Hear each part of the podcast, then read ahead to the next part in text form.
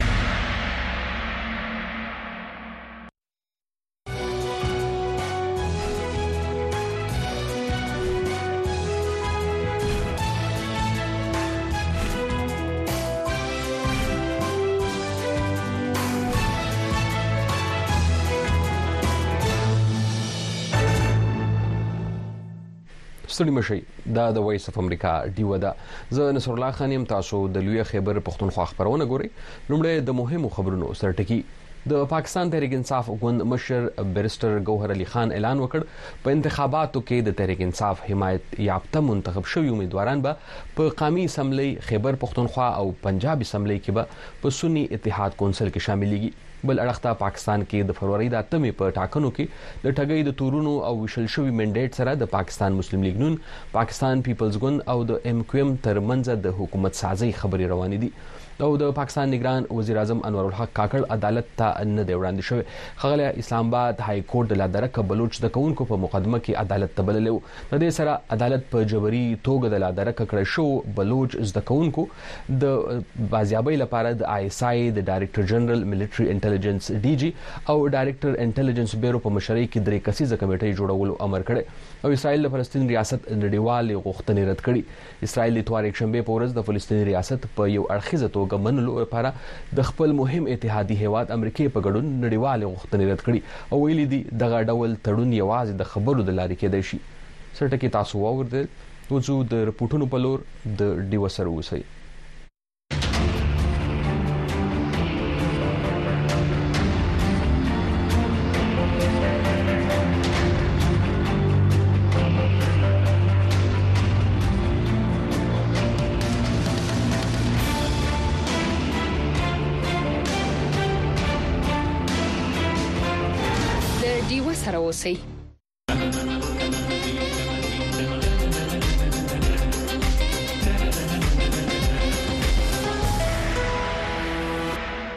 دا د وایس اف امریکا ډیو دا د لوی خبر پښتونخوا لومړنۍ برخه لا دوام لري په پاکستان کې په اتمه فروری انتخابات نروستا دغه نتیجو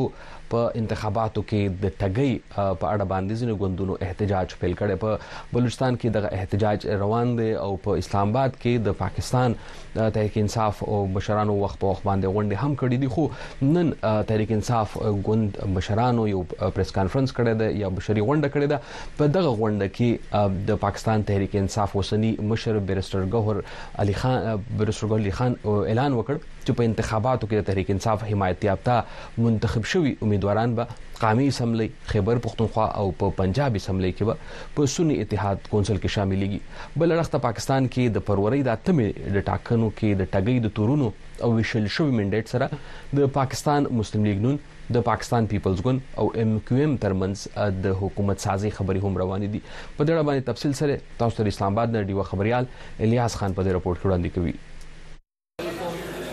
د پاکستان تحریک انصاف چیئرمین بیرسټر ګوهر علي خان اسلام آباد کې د ګل پورز د سنی اتحاد کونسل صاحبزاده محمد حامد رضا او چیئرمین مجلس وحدت المسلمین علامه راجا عباس ناصر سره یو غړي خبري غونډه ته وویل پاکستان تحریک انصاف په قامي او صوبایي اسمبلیانو کې د زنانو او لګکۍ ځانګړي چوکۍ ترلاسه کولو لپاره د سنی اتحاد سره د اتحاد پریکړه کړې ده او په 8 فروری د دوی د ګوند سره تعلق لرونکو ازادو غړو په سني اتحاد کونسل کې شامل شول او دې لړ کې حلفي بیانونه یې د ګوند په حواله کړي. ګوهر علي خان وویل، دا شان به په قامي اسمبلۍ کې د اویا او څلور واړو صوبايي اسمبلیانو کې د دوه سوه او ویشت د زنانو او لږکیو د ځانګړي چوکیو کې د خپل مینډیټ مطابق چوکۍ ترلاسه کړي. دا واضح شي چې مرکز کې د چا حکومت راتل راضي به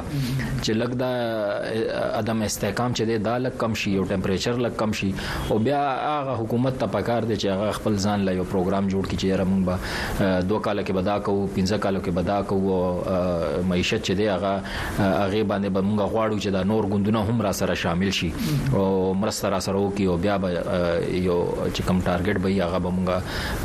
حاصلول شو هغه نه علاوه خو بیا ماته ډیره ګران ښکاری چې دا معیشت یا جمهوریت یا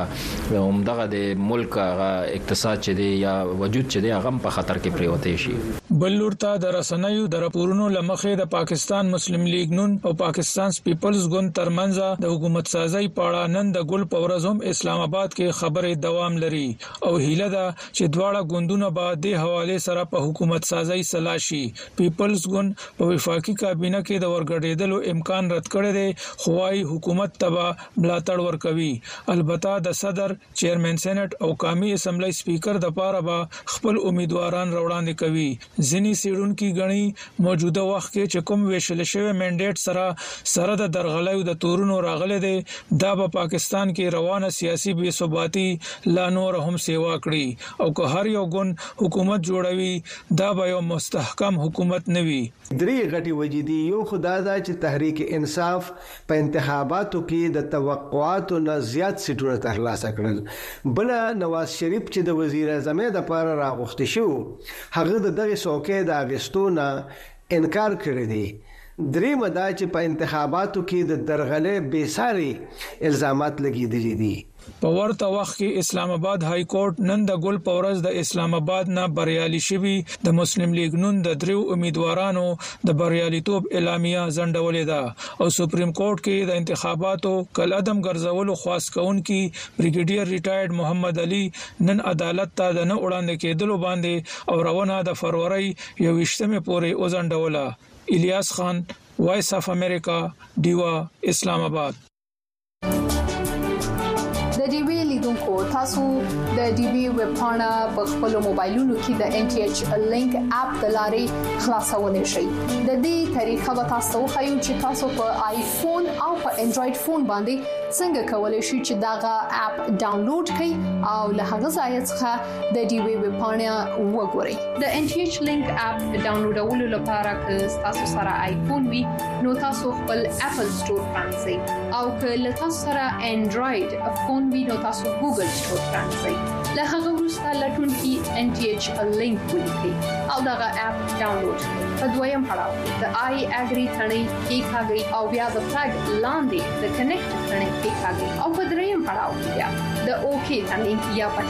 کې کاږي له کنیکټ کېدو وروسته تاسو د دې ویب پاڼه پرانیزئ او د خپلې خوښې خپرونې وګورئ او له هغه ځایه تاسو کولی شئ چې د خپلې خوښې ټول پروګرامونه ریپورتونه او لیکنې ولولئ او وګورئ د وایس اف امریکا ډیو د د لوی خبر پښتونخوا لومړنۍ برخه لا دوام لري په خیبر پښتونخوا کې د پاکستان تحریک انصاف ملاتړي آزاد کامیاب شوی امیدواران وایي په صوبه کې د حکومت جوړولو لپاره یې هلې ځلې روانې دي. د وزیراعلا څوکۍ دپاره نومول شوی علي امین ګنډاپور وايي، حکومت چې جوړ کړي نو له وفاقه به خیبر پښتونخوا د بجلۍ او نورو وسایلو پاتې پیسې او اېن اېف سي له پیسو څخه د قبایلي سیمو دپاره درې سلنه برخه غواړي. نور تفصیل تاسو ته د پېښور نه د ډیوه خبریال ارشد مومند په دې رپورټ کې وړاندې کوي. په خیبر پښتونخوا کې د وزیر اعلی د څوکۍ د پاره نومول شوی علي امین ګنداپور وایي د دوی آزاد امیدوارو د ګډون د پاره د دوو سیاسي ګوندونو سره خبرې روانې دي نوموړي د دغه ګوندونو نمونه وانه خستل خو سیاسي کارپوهان وایي چې د وحدت المسلمین او سنی تحریک ګوندونو کې ګډون امکان لري علي امین ګنداپور ویل زموږ د قانونپوهانو ټیم او د کمېټۍ غړي لګیا دي چې مرکز او صوبه کې یو ګوند سره اتحاد کېدی شي او که نه. ضروري نه ده چې یوه پارټي وي، چې څه پرېکړه وشي هغه به مخې ته راشي. د خیبر پښتونخوا د الیکشن کمېشن چارواکو ډیوه ته ویلي، د ګل ورځې دولسو بجو پورې د درې نوي امیدوارانو د کامیابۍ نوټیفیکېشن جاري کړی. په دې کې زیاتره د پاکستان تحریک انصاف ملاتړي کامیاب شوي آزاد امیدواران دي چارواکو ویلي د نوټیفیکیشن جاری کېدو وروسته درې ورځو کې دننه به آزاد امیدوارانو ته کوم ګوند کې ګډون کولی د خیبر پښتونخوا په خوانی د تعلیم وزیر عاطف خان ویل د پاکستان تحریک انصاف ګوند غړي د سخت دباو لاندې ساتل شوي دي او د الیکشن پرونوالي د بیلابیلو ګوندونو لخوا د درغلیو ټکونه کیږي عجیبه خبره دا ده چې کومې پارټۍ وبېلي نو هغه دا وی چې دا نیل شوې ده خو دې پیرې له خو زمونږه ماکسیمم سیټونه دي او مونږ هم دا وایو چې د الیکشن ټیک نه دی شوی د الیکشن نه مخکې ما د الیکشن پر وزه ما د الیکشن نه پسم دا کریډیبل الیکشن نه دی په مرکز کې پاکستان مسلم لیګ نون سره د نورو سیاسي ګوندونو اتحادیه او تحریک انصاف د حکومت جوړولو اعلان کړی دی تحریک انصاف آزاد غړو په خیبر پښتونخوا کې تر ټولو زیاتې د صوبایي سملې څوکۍ ګټلې دي څیړونکي وایي ښکاري چې په مرکز، پنجاب، بلوچستان او سند کې مسلم لیګ نون او د پیپلز پارټۍ اتحادي ګوندونه حکومت جوړولو کې کامیاب شي په دغه صورت به یوازې په خیبر پښتونخوا کې د هغه ګوند حکومتي کوم چې به په وفاق کې په واک کیني علي امین ګنډاپور وایي دوی به د وفاق نه صوبې ته برخه راوړلو هره ممکنه هڅه کوي. مونږ ته پوره یقین دی چی د صوبې د حق د پاره به اواز پورته کوو او زمونږ د صوبې چی کوم حق وی هغه به ورکول وی د پاکستان معاشی حالات سم نه دی نو زمونږ چی کوم د این ایف سی ایوارډ کی برخه ده یا د بجلی په مد کی چی کومې پیسې دی هغې د پاره مونږ هغوی ته وخت ورکولی شو چی ټولې پیسې په یو ځل مه راکوی خو دا سوچ کول چی مونږ ته به هغه حق نه ملاویږی یا به څوک نه راکوي دا سم خیال نه دی موږ ته خپل حق پکار دی موږ خپل حق په زوره او په سمه اخیستلو باندې پوهیږو. په پاکستان کې د فرورۍ په اتمه نېټه ټاکنې شوې دي، تر اوسه لا هم په خېبر پښتونخوا کې د تحریک انصاف غړي کوم ګوند سره په خبرو نه دي بریالي شوي. جماعت اسلامي یو ځل د خبرو د کامیابۍ د اعلان وروسته بیا ویلي و چې د تحریک انصاف غړو ته په پارټۍ کې ګډون نه ورکوي، خو د تحریک انصاف مشران وايي، د بېلابېلو سیاسي ګوندونو سره یې خبرې روانې دي او زر ده چې کوم ګوند سره شامل شي او د حکومت جوړولو اعلان وکړي. ارشد مومند، وایس اف امریکا، ډیوه، پېښور.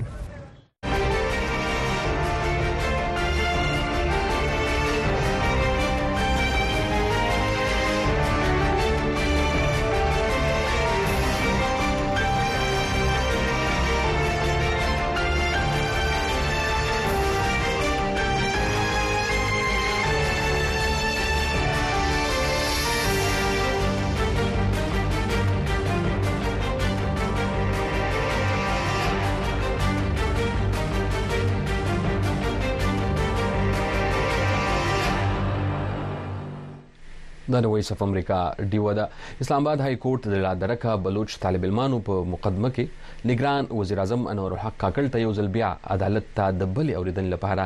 بللې د دې ترڅنګ عدالت په جبري توګه د لادرکه کړې شو بلوچ د کونکو د بازیابۍ لپاره د آی اس آی د ډایرکټر جنرال ملټری انټيليجنس ډي جی او د ډایرکټر انټیلیجنس بیرو په مشرۍ کې د درې کسیزه کمیټې جوړېدو امر هم کړی دی د بشري حقوقو ادارې د لادرکه بلوچ او د پښتنو د حقوقو لپاره کارکونکو غورځنګونه د خلکو په جبري توګه د لادرکۍ تور د پاکستان په پوز او په استخباراتي ادارو پوري کوي خو پاکستان پوز دا تورونه ردوي دا وایي کوم کسان چې لا درک کیږي نو کېدای شي هغه د وسلوالو ډلو په لیکو کې شامل شوی او یا بل کوم هیواد ته تښتیدلی وي په دې اړه باید نور تفصیل تاسو ته اسلام آباد نه د ډیوه خبریال ارشد حسین په دې رپورټ کې وړاندې کوي. د ګل په ورځ د مقدمې د اورېدنې په مهال د اسلام اباد های کورټ د جج جسټس محسن اختر کیاني وینا وه چې په راتلونکې اورېدنه کې دې د نګران وزیراعظم انوارالحق کاکړ حاضري یقیني کړې شي او دا چې نګران وزیراعظم دې عدالت ته تګ خپل توهین و نه ګڼي جج محسن اختر کیاني اټارني جنرل منصور عثمان ته وویل دا څلیریشتمه میاشت روانه ده خو تر اوسه پورې ټول ورک بلوچ طالب علمان بازیاب نه کړې شول او دولس لا درکه زده کوونکي لا هم نه دي خوشې کړې شوې. اټارني جنرل عدالت ته وویل، د هغه د معلوماتو تر مخه تر اوسه پورې یوازې اته طالب علمان نه دي بازیاب کړې شوې. مزید آج مې نه کورټ کو یې انفورم. نن ما عدالت ته دا هم ویلي، د کله نه چې اټارني جنرل عدالت ته دا باور ورکړی چې نور به څوک نه لا درکه کولی شي، خو د هغې ورسته نږدې دوولس کسان یوازې د بلوچستان ستان څخه په جبري توګه لادرکه کړی سوي دي. بلوچستان سې جبرن لاپتا کیې ګئې. اسلام اباد های کورټ په جبري توګه د لادرکه بلوچ طالب علمانو د بازیابۍ لپاره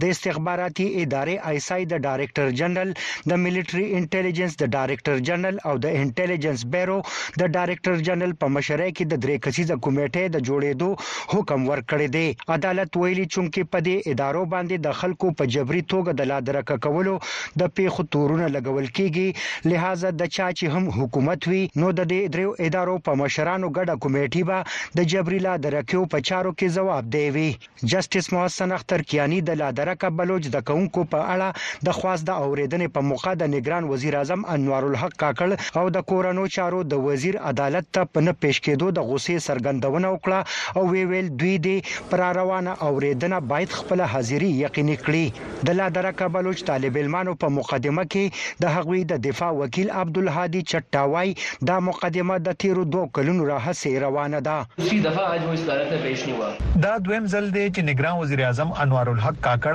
عدالت ته وړاندې نه شو. هغه د دې عدالت سپکاوی کوي، د عدالت حکم سنجیده نه اخلي او دا ښودل غواړي چې زه خپل ځان د قانون تابع نه ګڼم. اپنے آپ کو قانون کے تابع نہیں سمجھتا۔ د عدالت د جج محسن اخترکیاني وینا وه، مونږ به خلک د غلو او ډاکوانو څخه څه بچ کوو خو لا اوس هم خپل خلک د هغو ادارو څخه د ژغورلو هڅې کوي د چا ذمه واري چې د خلکو تحفظ کول دي عدالت وویل که د یونیفارم خلک خپل ځانونه نه سموي نو هغوي ته به د دې ځواب ورکول وي جسټس محسن اختر کیاني وویل یو حکومت هم د خلکو په جبري توګه د لادرکه کولو اقدام قابل ګرفت نه دی ګرځولی او نه یې په دې اړه څه قانون سازي کړې ده. نوموړي وویل، په جبري توګه له درکو باندې نړیواله ټولنه هم د اندېښنو څرګندونه کوي. عدالت وروسته د مقدمې اورېدنه د فرورۍ تر اته ویشت مې نېټې پورې وځنډوله. ارشد حسین، وایس اف امریکا، ډیوه، اسلام اباد.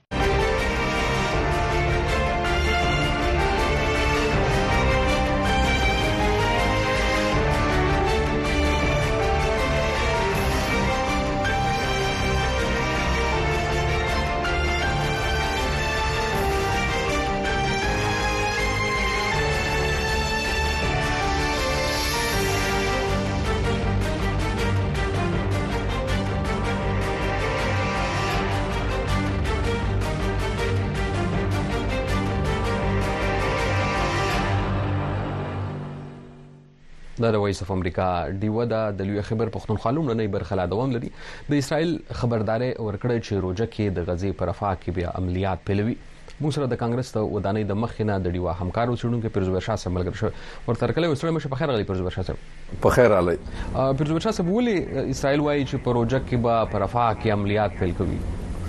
نو جی د رفا عملیات خو دوی مخکې اعلان کړی دی چې مونږ به کوو او اول آلته خلکو ته هم ویلي چې تاسو وځي خو اوس چې کوم دا بیان دی دوی دا وایي چې حماس چونکه هغه کسان چې کوم دوی سره يرغمال دي اسرائيلان هغه خوشې نه کړو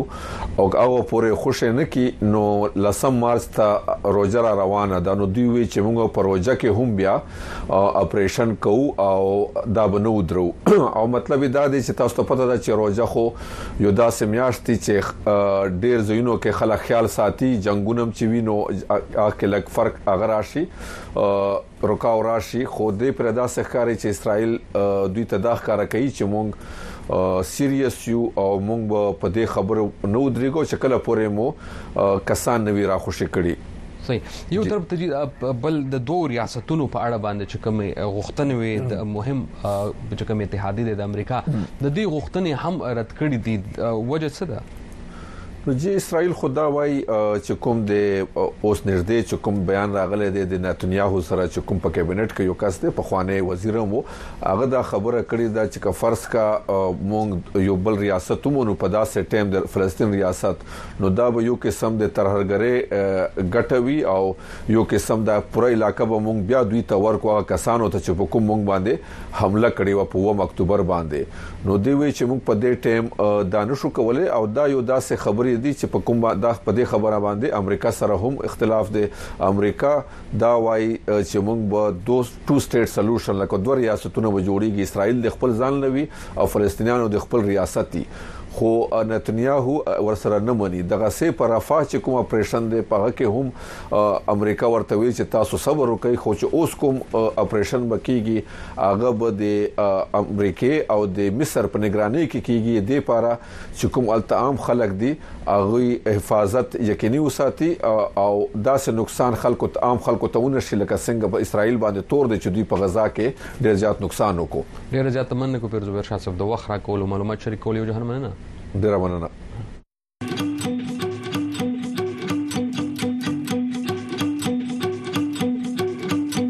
ویوي دیوا په سټلایټ ټي وي هر ورځ سلویریش ساته په دیشنټینا تاسو په یو ټل سټلایټ په ټي وي تازه تولا او به طرفه خبرونه بحثونه او سیړنی کتلې او اوریدلې شي د یوټل سټلایټ فریکوئنسي یا سبې او یا بي او یا اشاریه 15 ایست چینل یو سلدري هر ورځ سلوي ساته لډي وسره اوسئ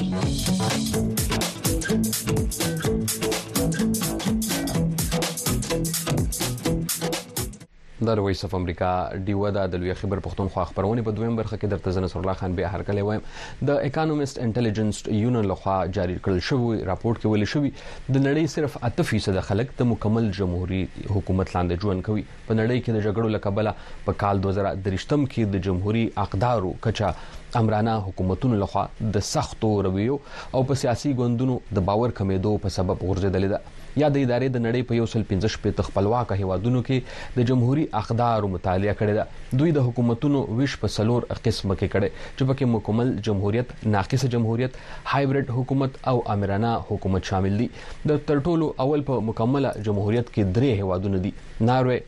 نیوزیلند او ایسلند او په لاندنیو درې کې شمالي کوریا میانمار او افغانستان دي په ایشیایي هوادونو کې پاکستان په لوی بدلون سره یولس نمبر لاندې تللی او د هایبرډ نه د امریت برخې ته غورځېدلې ده د اکانومست انټيليجنس په ګوته کړې چې په دغه کې د پوځ په سیاسي چارو کې د مداخلت یې لوی سبب دی، مطلب دغلته انتخابات داسې ترسره کېږي چې شفاف او بې پلوه نه وي. د رپورټ په داسې حال کې راغلی چې په پاکستان کې ډېر سیاسي ګوندونه په انتخاباتو کې د درغلیو په تور په احتجاج دي او خبري غونډې کوي خو په پښتونخوا کې هم د انتخاباتي نتیجې وروسته بیا صورتحال څه و خو په دې اړه باندې د پاکستان نګران حکومت او د پاکستان الیکشن کمیشن ویل دي چې انتخابات شفاف او رڼو موږ سره د انتخاباتو په اړه باندې بیا خاص کر په خبر پښتونخوا کې څه حالات دي مونږ مونږ سره په دې اړه باندې ملګری شوی دی رفعت الله ورغزي صاحب چې لیکوال دی خبريال دی وسړونکو دی ورته کله وسړم شي په خیر رفعت ورغزي صاحب مننه نصر الله خان صاحب مننه. مننه کوو چې د وخت راکولو یو طرف ته پوښتنې به نورې هم کوو خو دا کم انتخاباتو نتیجې چې رالې مخې ته نو آیا دا د دې تمه کېدله او که تمه نه کېدله نه ګوره دا خو بالکل هم چې دی خاص کر پښتونخوا کې چې دی دغه شان صورتحال بالکل نه و داسې څنګه مخکې راغلی دلته ټول الیکشن اول چې دی د پاکستان تحریک انصاف ګوند به زه خه ذکر وکړم په دې چې هغه دلته کې یو اکثریتي جماعت په توګه چې د مخته راغلی دی نو د هغو خو چې دی لکه هغه خو ډېر زیات په هغو باندې مشکلات وو د هغو نه د هغو خو نه په دې انتخاباتو کې لیډر و نه چې دی ګوند و نه یې انتخابي نښه وه نو دا تقریبا چې کوم د هغو د کاندیدیټ چې دي دا چې کامیاب شوي دي دي کې ما په خیال چې شپېته او یا فیصده خو دا هغه خلک دي چې دا دا انډرګراونډ دي ټول دا دا په کمپین ته بهر نه دي روتي لکه دا چې دي دا په کورونو کې ټول بند دي روتي نه شو بلکې دا چې دي لکه په داسې حالاتو کې خو بالکل چې دا سره سمه نه وه چې پاکستان تحریک انصاف ګوند چې دی هغه به دلته استوي صرف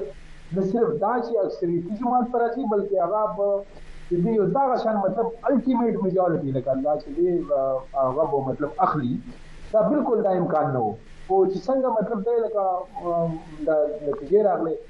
نو هغه دا ثابتېږي چې دا آخر وخت کې مطلب لکه عمران خان صاحب خلاف چې کوم دا دوه درې څلور فیصلې په تقریبا او پرله پسې مطلب دوه درې څلور ورځو کې راغلي دي نو هغه هغه فیکټر چې دی مطلب لکه داسې ښکاري چې دوی ډېر زیات هغه ځینو مطلب الټا اثر وکړو لکه دا پاکستان زموږ یو تاریخ پاتې شوی دی چې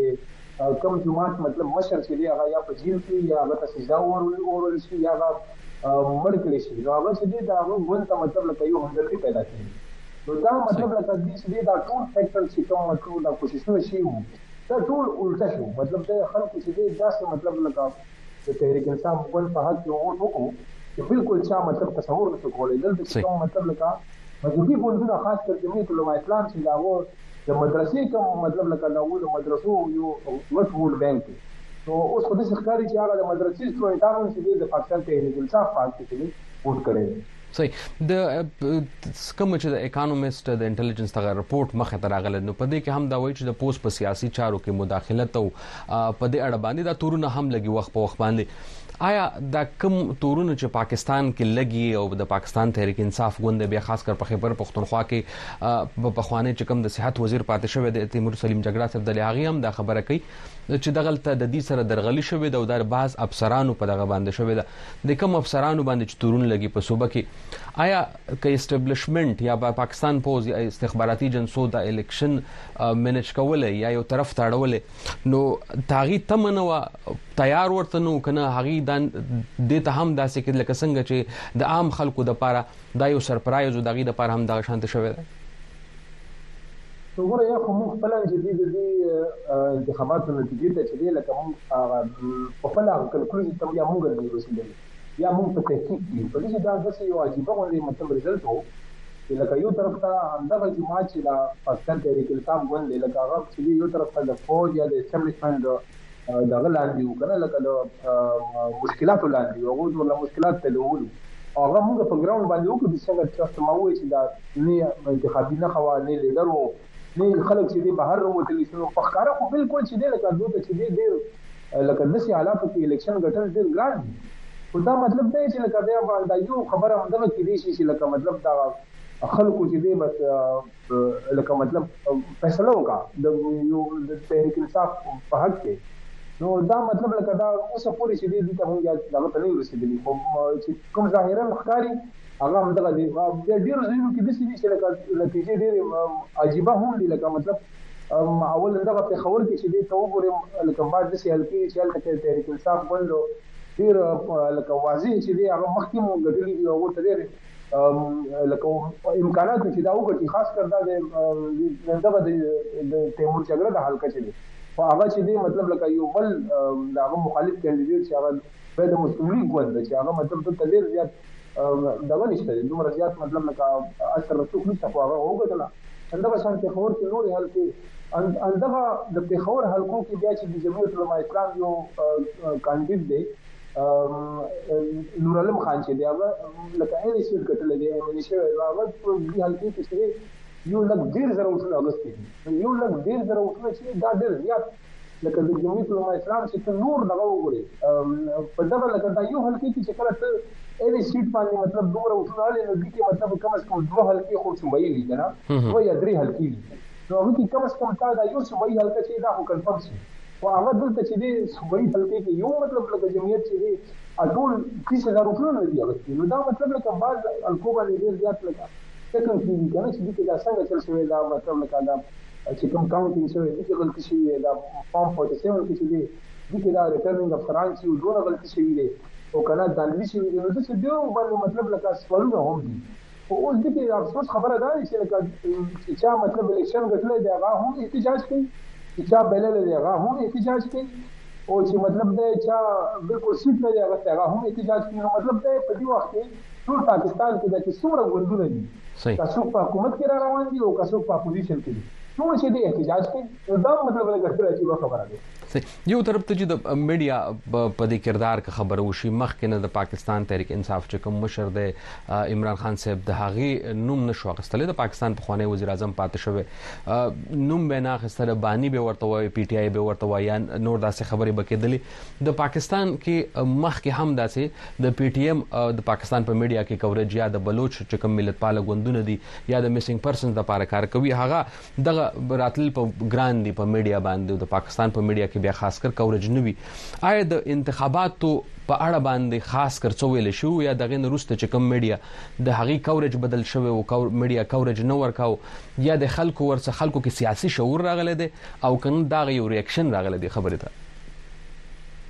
ګوره دي کې ما په خیال باندې ګوره دا ټول مطلب لکه دا سوالونه زموږ د نظر لاندې دي یا خدای چې زموږ دا کم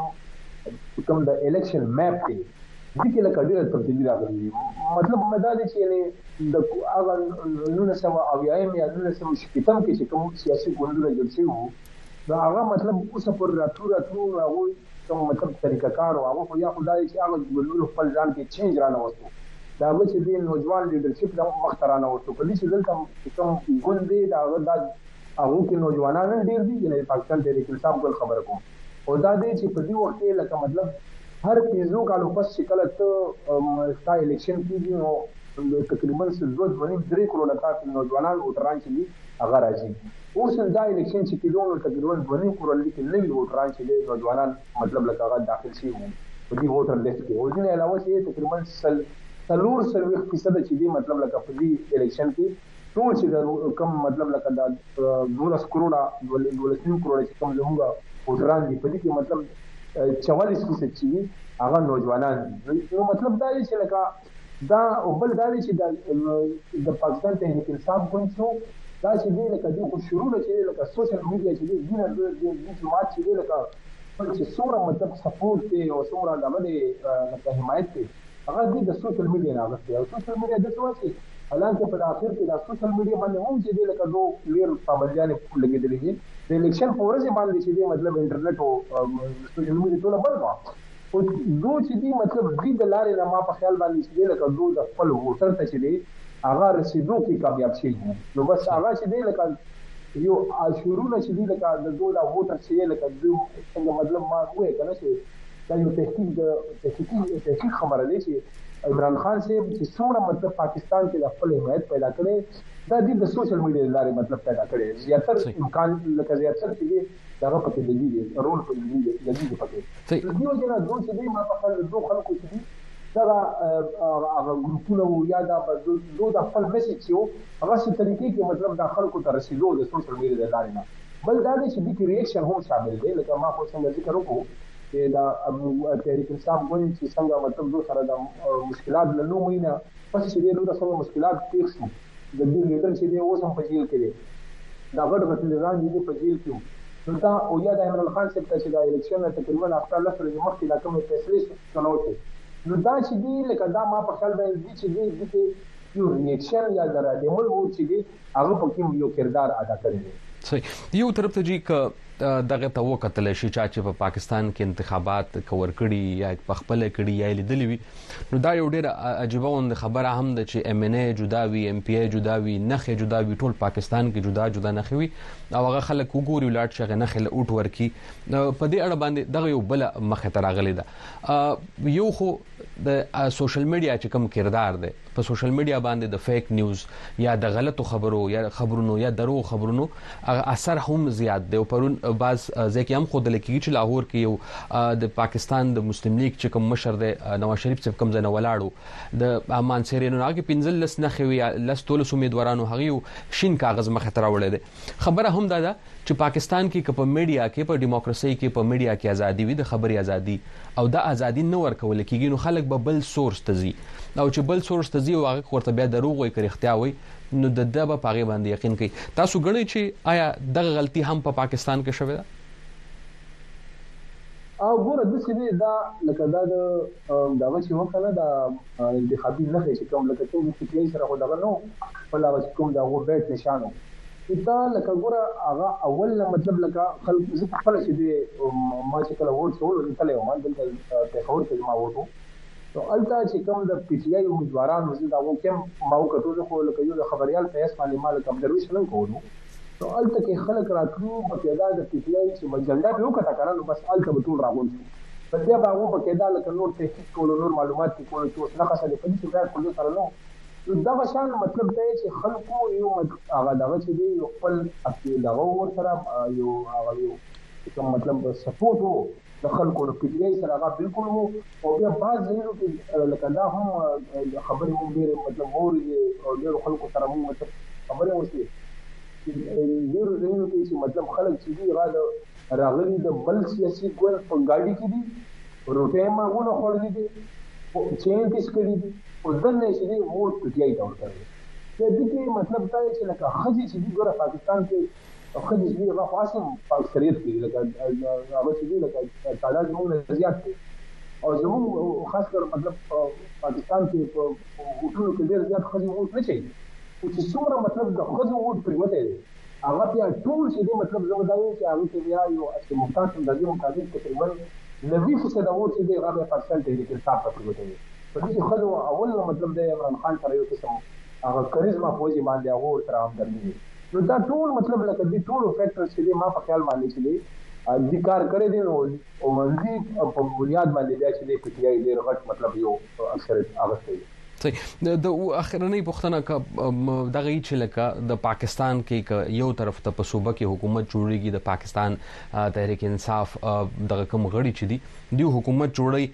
د دې د صوبې او د مرکز تعلق همیشه مختلفه پاتې شوې ده په بعض زیات وختونو کې دوی خو چې کومې پیسې دي د بجلی خبره هم کوي چې دغه وسایل لا په زور بخلو یا په خوخه به اخلو چې کوم وسایل دي پاغه باندې چې کوم اختیار ده خبره هم پرون دي سلګ لګ مخه تراغلي ده خو آیا تاسو غنئ چې د صوبې او د مرکز په منځ کې به د سب زیات بدلون یا زیات خبره چې کوم غوي دښمنی ټکه خو بګران دغه خو د یو بل سب سیاسي چې کوم ټکراو هغه به زیات شي بلکل دا به دا چی دی لکه یو خو ګوره چی کله دوه زره دیارلسم کی دلته پاکستان تحریک انصاف حکومت راغو هغه پیله ځل بو دلته صوبی کی حکومت بو تمدو شو هغه ټایم نواز شریف صیب چی دی هغه په مرکز کی دهغو حکومت وو او دلته ډیر مضبوط اپوزیشن وو ورته په دی چی تحریک انصاف ډیر زیات سیټونه نه وو الا چه مطلب د درو جوماتونو اتحاد سره چه دی غوته حکومت ملو نو مولانا عبد الرحمن نور جوماتونه چه دی هغه ورسره په اپوزیشن په هغه ټایم مطلب پرویز خټک چه دی وزیر اعلی وو پرویز خټک چه دی هغه ډیر زیات هوښیار سړی وو هغه باوجود دا چه لکه هغه به عمران خان بابته خبری کولی خو هغه به د عمران خان خبری خاص خبری به هغه نه منلی هغه به چې دې لکه مرکز کې کوم د مختلفه مفادات کونسل اجلاسونه وو هغه ته بند کړو او دې علاوه چې نور مطلب نواز شریف ته کوم میټینګ صوبې حواله سره ټول پاکستان سره میټینګ وکړه ټول وزیر اعلیګان چې مختلف صوبو نه هغه هغه ته کړو او دلته چې په خبر ته یا مطلب پښتونخوا ته چې نواز شریف برابر په دورو باندې نو دا به مطلب ورله کړو دا به دا نو اوس چې دی دا چې کوم وزیر اعلی روان دی دو نامنیټ کړی دی نامنیټ کړی دی دا علی امین کنډاپور کې دی دا هسې لږ مزاجن چې دی لکه یو ینګ کس دی ډېر زیات تجربه یې نشته دی اګر چې مطلب وفاقي وزیر هم پاتې شوی صوبې کې هم مطلب وزارت کړی دی خو دا مطلب لکه پرویز خټک په شان یو مطلب کلاوي سیاستدار یا سیاستمدار یا سیاستدان نه دی او بل دا چې لږ دا داسې جوشي دا غوندې هم دی لکه داسې جذباتي ټایپ غوندې دی د دوی بیانات چې ته وګورې نو ما خیال دا دی چې لکه اوس چې دا کوم د هغه بیانات راځي یا هغه مطلب لکه حلف نه دی اخیستی په هغه کې هم چې دی موږ تل په وخت کې مطلب خبرې کوي چې موږ خپل حق کړو او که په مرزه ملاویږي مرکز نه ویلو که په مرزه نه په زور ویلو نو یو چیلنجینګ صورتحال به خامخا وي یعنې صوبې ته به ډېر مسلې دي یو خو زموږ مطلب لکه شهباز شریف په دې وخت کې ګوره دا ما تاسو ته ذکر وکړ دوه هزار تېره کې چې کوم حکومت و که نه هغه ټایم دومره تاوتریخوالی د پاکستان هغه ټایم په پنجاب کې چې دې مطلب لکه دوه حکومت و د مسلم لیګ نون خو بیا دې په منځ کې اوس تقریبا تر لس کاله تېر شوي دي نو اوس چې دې دا تاوتریخوالی دا چې کوم دغه دی دا ټینشن دا ډېر زیات شوی دی اوس مطلب دا چې ما په خیال باندې لکه مرکز چې دی هغه به بالکل هم یعنې هغه به ډېر کوشش کوي چې دلته یعنې د صوفي حکومت چې دی هغه ته یو ټف ټایم ورکړي یو چیلنجینګ دغه ورته ورکړي او بل دا چې زموږ خو ټول د صوبې چې کوم ان ایس آر دی موږ خو اتیا فیصده چې کوم زموږ فنډ دي دا ټول مطلب موږ مرکز سره دي موږ دلته ډیپنډنټ یو مرکز باندې نو دا چې کوم زموږ ورته کوم پیسې پینډینګ دي په ګیس کې او آیل اینډ ګیس کې او په د بجلۍ چې کومې پیسې دي هغه د پل بجلۍ کوم پیسې دي دا ټول موږ دا ډېر اول نه پنډینګ دي او دا مطلب لکه دا اوس چې کوم نگران حکومت په دې کې مطلب لکه موږ ته ډېر کم ملو شي نو دا څو تر خواله به وي خو اوس دې کې مطلب ضرورت دې خبرې دی چې زموږ دلته مطلب چې کوم د خیبر پښتونخوا دا کوم لیډرشپ دی دوی ته په کار دی چې مطلب لکه دا د عقل نه کار واخلي مطلب دا سیاسي خپل چې کوم ټول ترې خواله دی هغه د هغه شاته وغورځوي او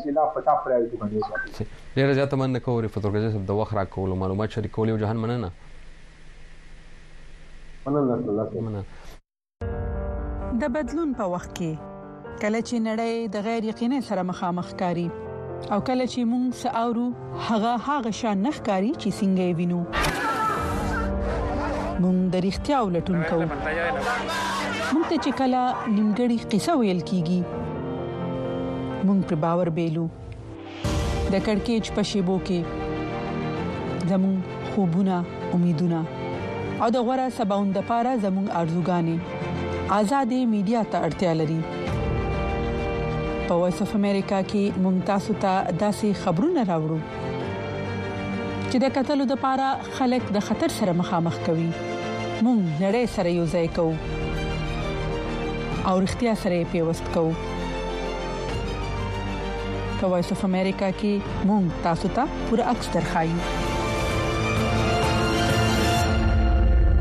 د وایس اف امریکا دیو دا د لوی خبر پښتونخوا دویم برخه لا دوام لري په ایشیایي هوادونو کې پاکستان په پا لوی بدلون سره د یولس نمبر لاندې تللی او هایبرډ نه د امریت برخه ته غورځیدل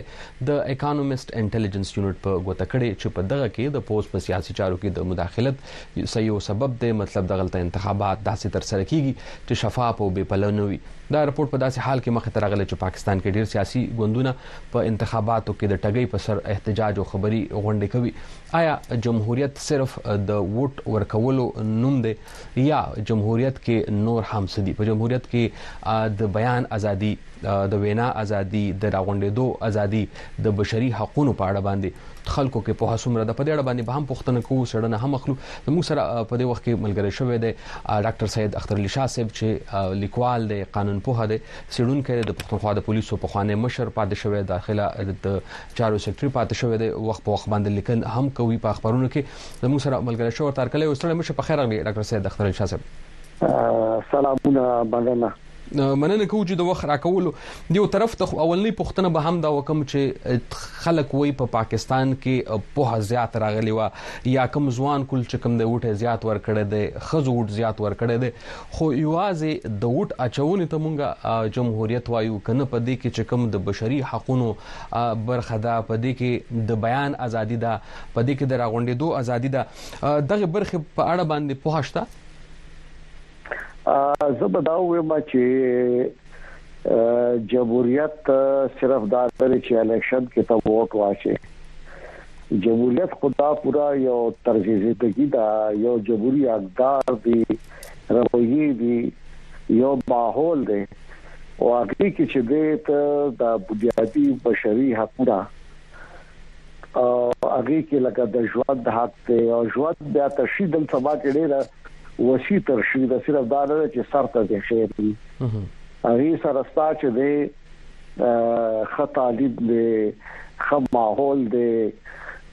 کلایمټ دې دا ټول خبرې دې سره بیا تر دې شوې دي او بیا دې ور سره ور سره چې دې بیا د قانون حکمرانی ده او ستا چې قانون حکمرانی وي نو ستا به بشري حقوقو بیا تحفظ وي او هغه کې بیا انصاف دی چې عدالتونه به آزاد وي ادارې به آزاد وي او یو دایره کار ستا آئین چې دی مقرر کړي د هر اداره هر سړی چې دی داغي دایره کې دنده به کار کوي نو دا اصل جمهوریت دا دی صحیح یو طرف ته جی د وټ خبره چې کله رااله نو زیاتره خلک وایي چې پاکستان کې شخصیت پرستی ده یا یو کس ته واغې خلک خوخی او هغه زیاتره دغه مثال د عمران خان سره ورکوي خو په دې اړه باندې د نظریه ملګری یا فکر والا خلک کم دی یا په اړه باندې په هانشتره دا کم وټ یا دا کم رائے چې دا ځوان کول راغله د مخه ته او دوی ک جمهوریت کې یا په دې پروسس کې په دې کې شامل شوی دی وټه ورکړه ده آیا دا انرژي دا کوم طریقه باندې چې دیو شمولیت کړي دی دغه لار تر اغلی دی جمهوریت پروسس کې ځان شامل کړي دی دا د نور جمهوریت اقدار ته نشوړیدل کړي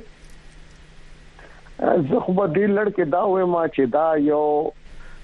خلک وی نظریاتي او نظریاتي نو آیا دا مسلم لیگ چې دا نظریاتي وي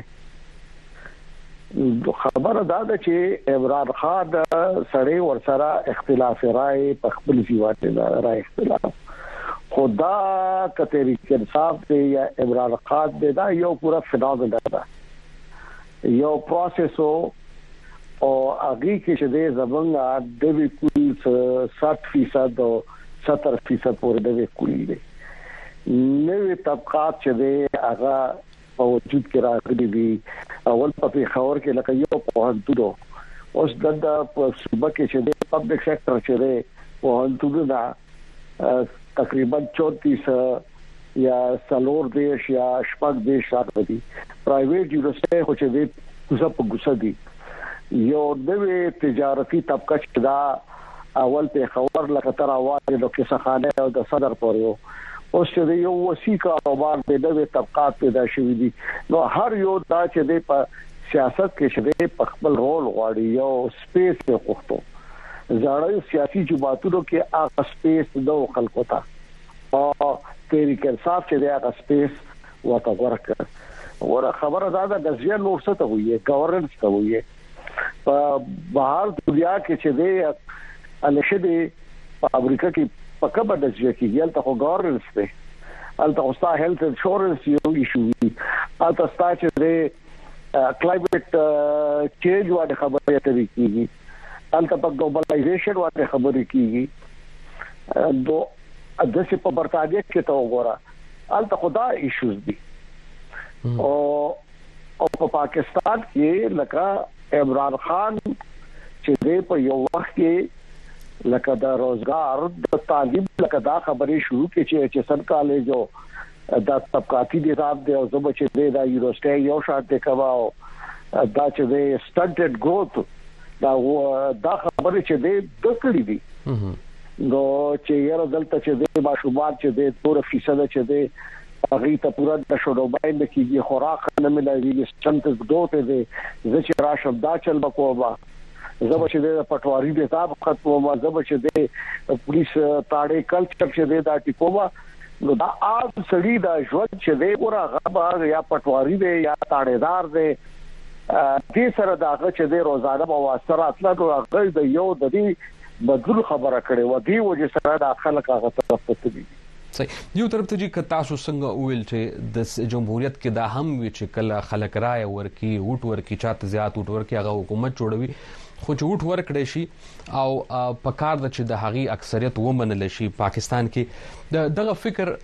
یو دا تورونه هم لګي درغلیو چې ټګي شوی د انتخاباتو کې که چرته داسی وی یو نوی ځوان کول راغلی دی هغه دی تاسو څنګه وویل سپیس ورته میلاو شوی دی دی مخکې راغلی دی که چرته داسی رد کیږي او یا په دی باندی هغه اعتماد نه بحالیږي نو نور قوتونه هم شته چې هغه غیر جمهوری قوتونه دی د جمهوریت نه خلک بیلاری کوي نو آیا بیا هغه ته به وده نه میلاویږي زه به دا ویم چې اوس دوه خلک بیدار شوي دي ته وګوره صرف دې فینومنا ته وګوره کنه چې د عمران خان نه داغه نخې موایشته هغه بندیواله دی داغه یاسین راشد هم بندیواله ده داغه بلغه محمود دی پنجاب کې شکم د سر سړې بیا درد دی هر د جمهوریت خو دې ته وی چې تا الیکشن دی نو هر جماعت چې دی هر سړی چې دی چې دی الیکشن ته ولاړ دی هغه ته به ته یکسان مواقع ورکې چې هغه د خپل کمپاین وکړي دلته په دی باندې پابندي و خو هغه نه باوجود د بیگ دغه وای شد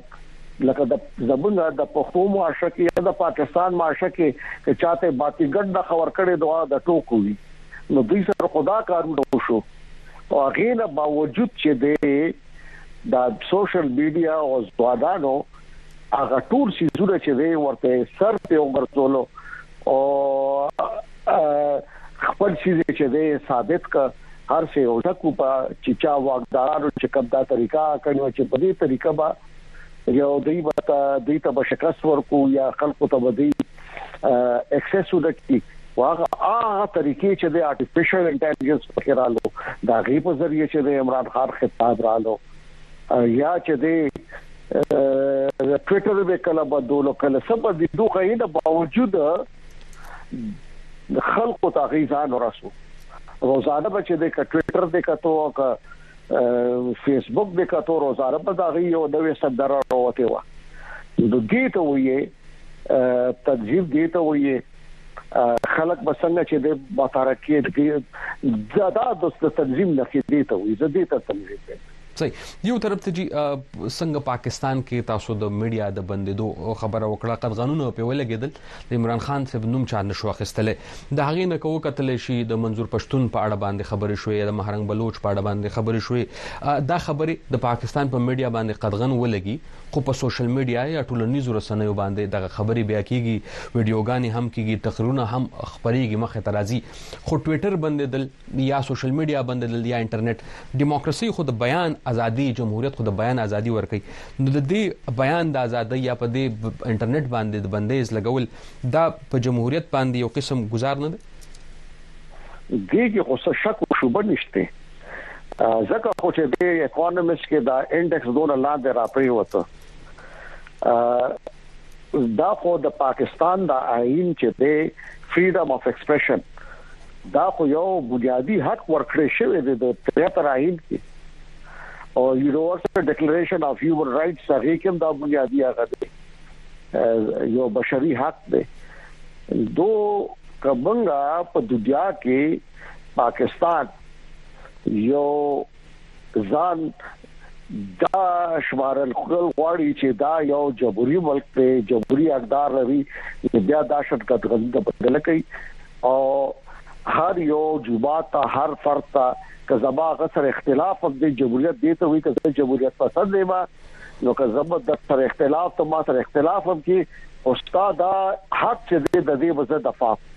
چې تخپل درای آزادیت از زارو کې صحیح په جمهوریت وي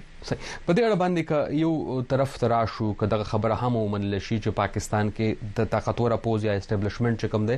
د هغه په پارټیانو باندې یا قدغنون یا مختلفو طریقه باندې الیکشن چې کوم دی نو هغه بدلوي یا نخي یا انتخابات کدي خبره ته ووم کتل شي یا د تورونو ته د پاکستان په خواني وزیر اعظم مسلم لیگ مشر چې کوم دی میا محمد نواز شریف سے بیان ته وکتل شي داغه کم ګوندم چې په حکومت کې نه وي د هغې بیان سخت وي خبرې سختې وي د اسټبلشمنټ خلاف وي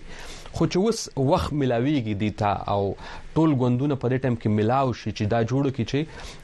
په وانس ان فار ال یا بيخي دا فیصله کوو چې په سیاسي کردار به د پوز نه وي نو په دې اړه باندې بیا سیاسي ګوندونه راغونډيږي ول نه جمهوریت ګوندونه د موقع نه فائدہ ول نه اخلي نو زبر دا وې ما چې دا چې کوم ملکونو کې مضبوط جمهوریتونه دي الته چې دی ټول لوی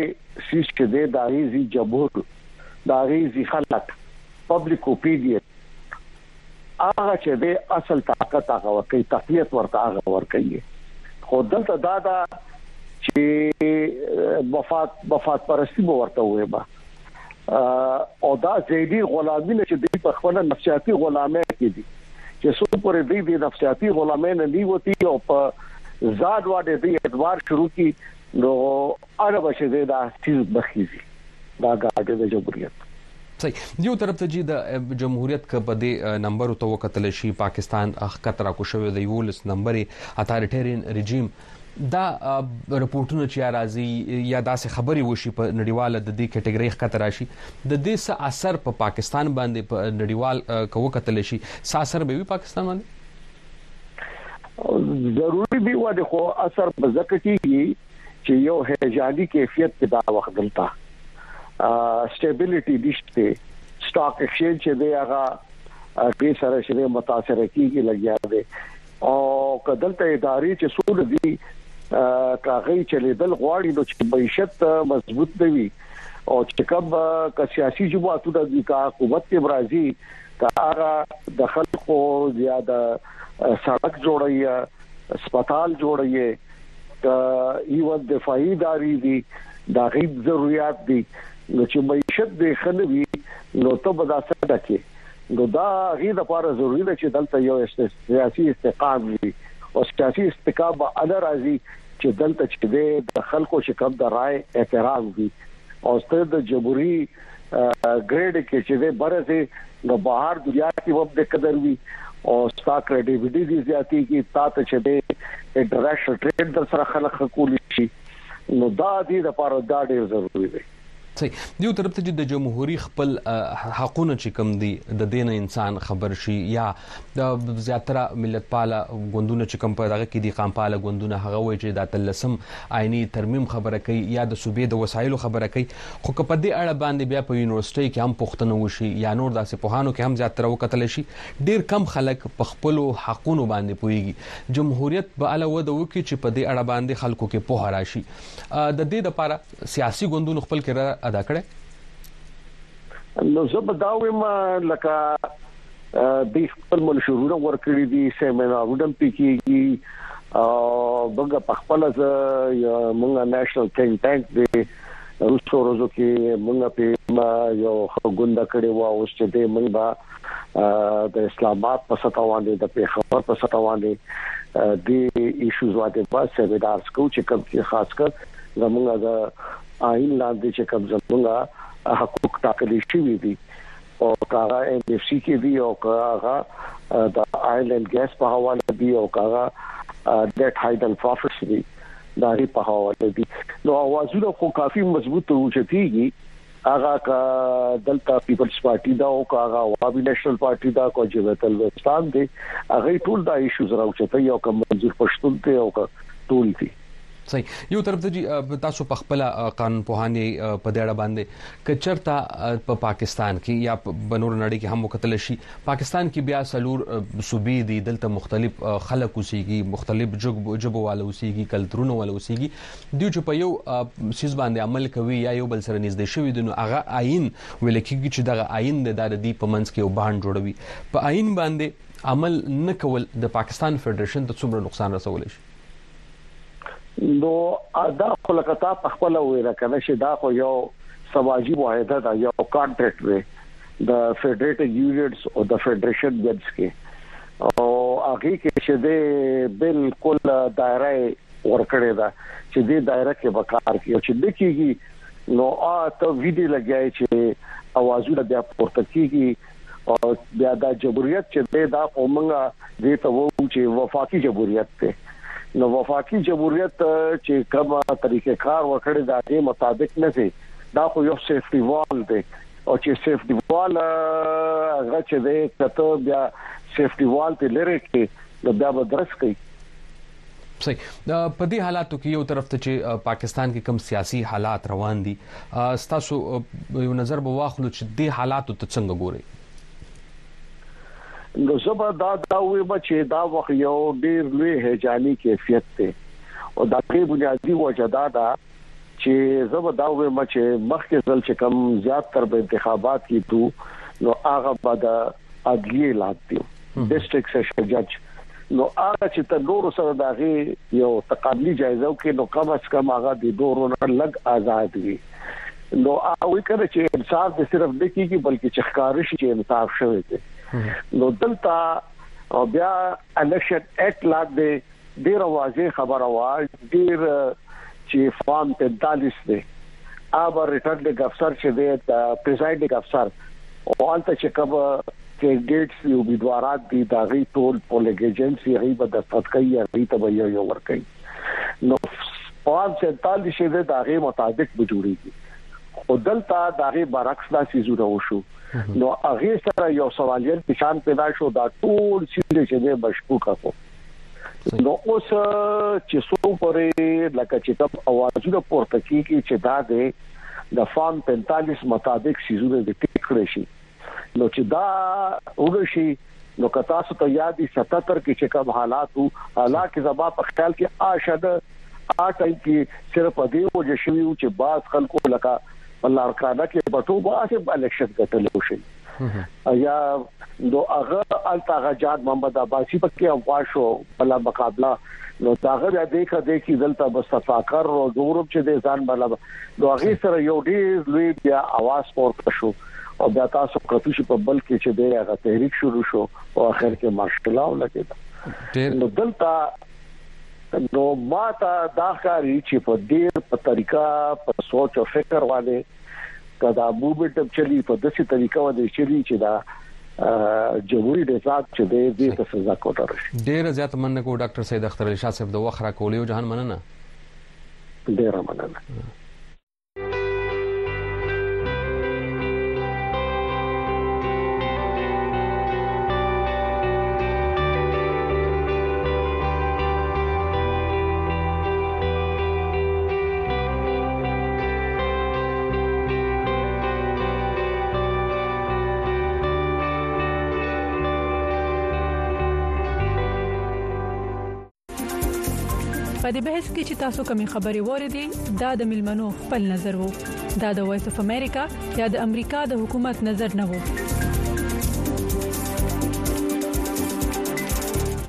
د رويس اف امریکا ډیوه د دلوي خبر پښتونخوا خبرونه تاسو نه خبرېغه د واشنگټن ډي سي سټوډیو نه کتل که تاسو نه د خبرونه پاتې شوی یا نور خبرونه نو غتا سو بیا وروسته هم د وی وی ډیوه په فیسبوک یوټیوب او په ویب باندې کتل شي